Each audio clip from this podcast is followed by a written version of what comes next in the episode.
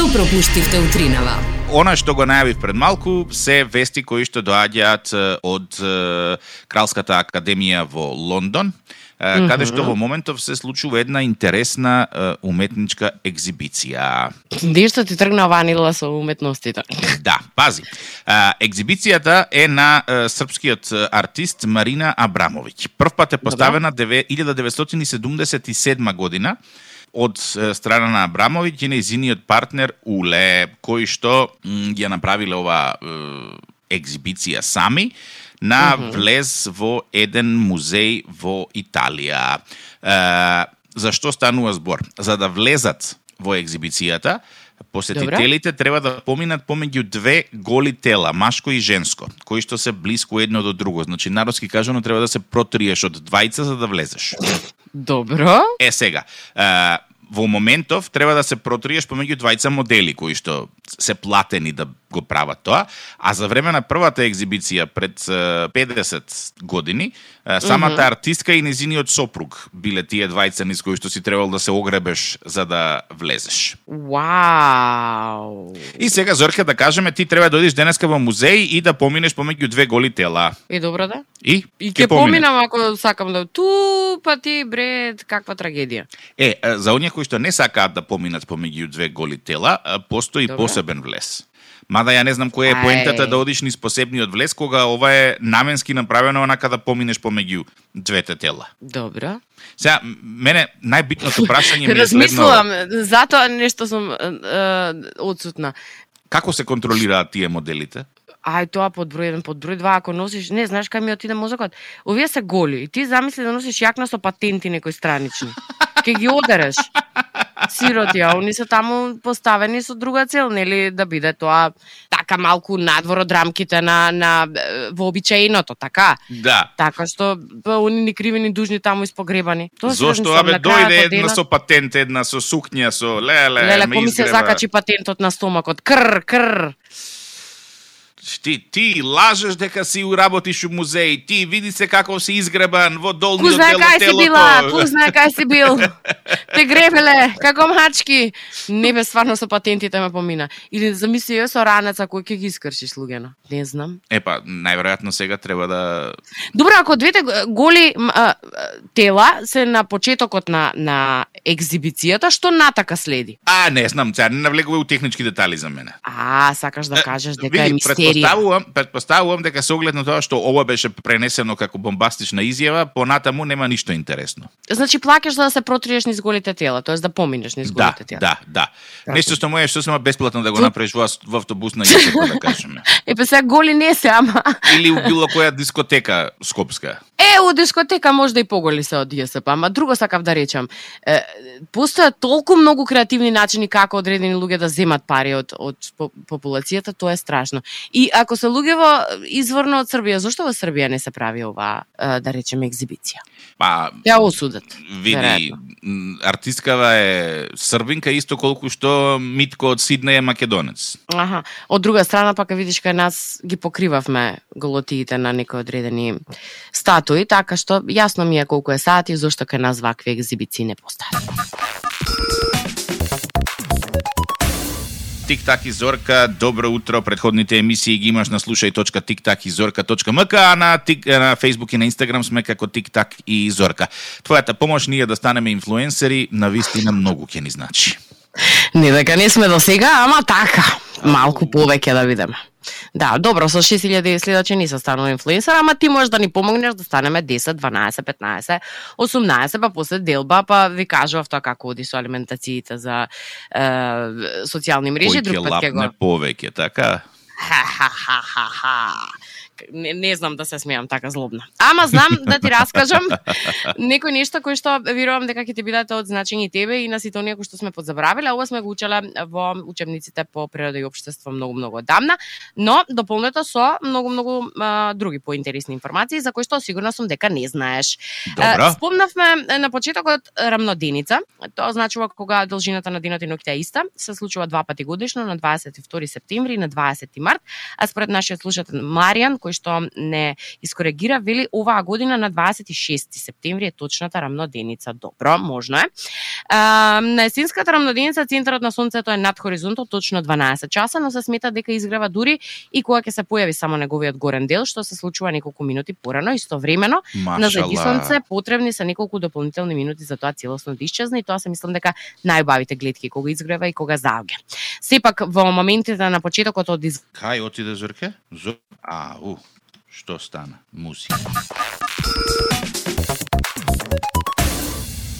Добро утро, така е тоа кога сме во живо. Инаку ја прочитав ја информацијата, не знам дали пада ја читам. Која? Иако никој не ме слушна, па таа од што ни падна у несвес компјутерот. Па немој подобро да не тестираме да не падне пак во несвес кој ќе се расправа со тоа. А, не, морам ова да го споделам со тебе. Слушам. Постои мит дека на првиот ден од десента, слушни добро, јајцата може да стојат исправени поради необичната гравитациона сила. Според некои легенди, метлите исто така може да стојат исправени на овој ден, а вистината е дека јајцата и метлите може да стојат исправени на овој или на било кој друг ден, но тоа не зависи од денот како ден, туку зависи од самото јајце или од метлата. Ја можам било која метли- метла да ти ја ставам исправена да стои. А, не. Како не? Не, не можеш. Се верува дека имаш само на тој ден може да стојат. Чисто се сомневам. Не, многу е јака, јас дека читав, ми правеше гримаси во, во значи те слушнав како ги преврте очите, само да ти кажам. Инаку морам ова уште да го споделам со тебе. За време на француската револуција, револуционерите се обиделе да направат радикални промени во општеството, бидејќи тие не сакале да зависат од христијанските традиции.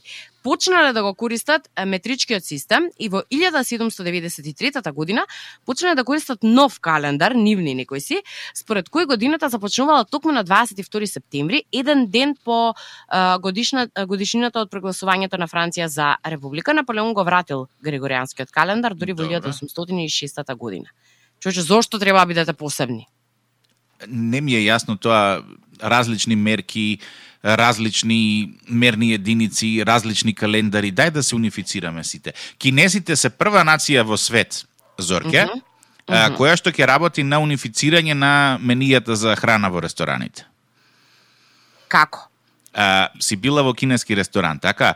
И имаш е, пилешко со нудли, пилешко вакво, пилешко онакво, Јом Кипур пилешко, Добро. Со пилешко, Гого пилешко. Е сега секој кинески ресторан е, ги има тие информации, односно имињата на јадењата под бројки.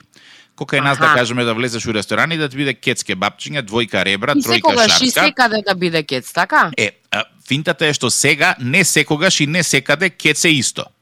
И сега ти во еден ресторан нарачуваш да кажеме број 5555 цело време и по навика одиш во друг ресторан, порачуваш петка и се шокираш бидејќи не е тоа тоа. И сега кинезиве викаат, чекај ние да ги унифицираме менијата. Дека се друго во, во светот е решено и најтешко беше само тие што имаат пари кај да ги потрошат за ручак и да бидат унифицирани, така? Па, Некако мене ми така. е, ама мене ми е смешно се тоа сега, молим ти се, па може друго нешто ќе смислиш. Ти петка ако јадеш секогаш, па пробај шеска, можда шеска е подобра. Може би, меѓутоа шеската во еден ресторан ќе биде шеска во сите ресторани. Као, например, ние јадеме кебапче, ама ние знаеме кебап ребро, знаеме што е, така, така да нема потреба да го имаш на број. Ама кога ќе дојде странски туриста, ти да му кажеш да кажеме да ти дае една, не знам, шарска плескавица со кајмак. Јазик ќе се искрши, шарска плескавица, мит кајмак, ја. И ти фино ќе му кажеш шарска плескавица со кајмак, у Македонија е број 4 на мени. И каде они да отиде во било која кафана, они ќе му го дадат тоа international menu и ќе каже, а, number 4 бите. И ќе добие шарска со кајмак и што god дае веќе на, на менито. Само треба скопските угостители да се договорат да го унифицираат тој е, пристап и решен проблем. Скопските угостители не можат за поедноставни работи да се договорат, не па за тоа да унифицираат кој број каде ќе оди и што ќе биде на менито. Меѓутоа, од друга страна па јас се викам, дали сето тоа упростување на сите тие работи кои што се случуваат, не прави како општество, не како општество, како нација воопшто и, и не само кај нас туку во светски рамки, дали со тоа што на луѓето им се овозможува се да е по-просто и едноставно, ние всушност го користиме мозокот помалку да размислуваме. Секако. Значи, Замисли да сега кажеш ти, дека Зорке. мафовност работи на зглупување на луѓето? Да. Замисли сега, Зорке, ти, наместо да беше на радио, да требаше да го ловиш твојот појадок некаде. Добро. Само замисли. Би добро да ја замислувам, така ќе живеев и тоа ќе беше тоа што го знам, за подобро немаше да знам. Ама ти сега друга работа замисли. Замисли. Замисли дека во времето кога немавме мобилни телефони, сите телефонски броеви ги знаевме на памет. Само замисли. Дали си знаеш друг било кој друг телефонски број освен твојот на памет? Знам, никогаш и мојот твојот. го грешам. И како не? Се клади ме? Ај пиши ми на Вибер. А, на Вибер ќе го видиш, не може така кладиме треба да го кажеш. Е, сега во моментот го дзиркаш, па ми Не пишуваш. го дзиркам, Не, значи не, не. твојот го памтам. Твој Nokia во мојот 3 теле- и на мајка ми. И на Вау. сопругата, и на на децата. Првиот фиксен домашен интерес- го памтам 239009. Многу интересна работа. Првите ти, три телефонски броеви во животот што ги памтиш се од првите три најважни жени во твојот живот. Хм, Добро утро. добро утро.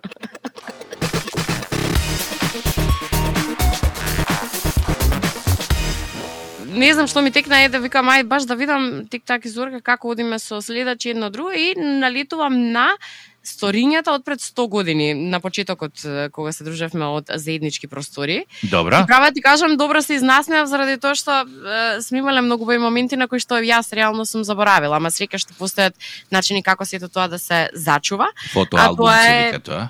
Не е фотоалбум, не, не овие се видеата кои што сме ги ставале на стори и истите тие се сочувани за среќа во хайлайтс моментите, па има разноразни од типот работен викенд 2020 моменти, јајца на 365 начини, да или не студио дома за време на короната. Ту твојата м, се уште не издадена, но многу високо квалитетна фит програма која што сите жени ќе обожаваат, а мажите ќе изгубат више килограми. Корење на 100 2020 начини?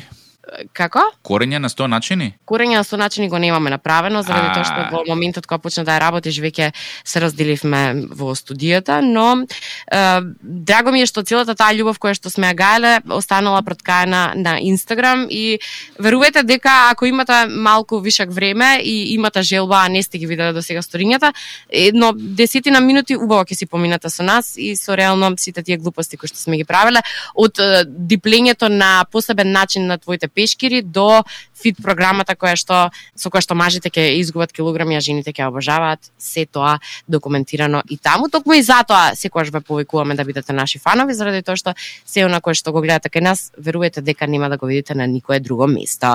А гледајќи така по сторињата, сватив и уште една работа, а тоа е дека е, 2024 месец февруари, што и не е така далеку иако звучи као вау, 2024 славиме четврти роденден како што се држиме на Радио 2 официјално. Вау. Треба да се прослави тоа на некој интересен начин, ама да не биде на класично огномет свирка, затоа што сите го прават тоа. Не, демо деми е диџеј и такви некои работи, тортички. Мислам, Имаме- треба да се прослави, ама бенефит да имаат сите заеднички, Народски, да имаме да, многу народот да има забава, да.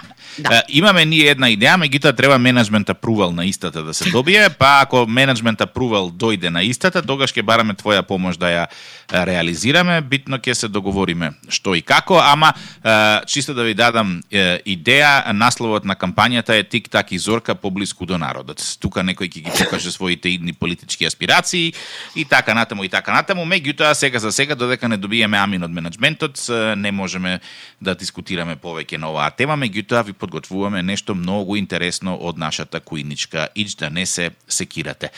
Јас тука Зорке сега би го завршил овој сегмент со прашање дали си нормална со сликата која што ми ја прати, сакаш ли да се плашам секогаш кога ќе ми задзвони телефонот. Добро утро.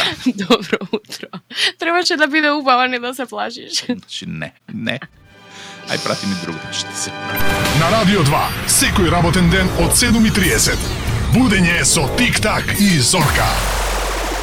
Во случај на неконтролирано смеење и симптоми на позитивно расположение, консултирайте се со вашиот лекар или фармацевт.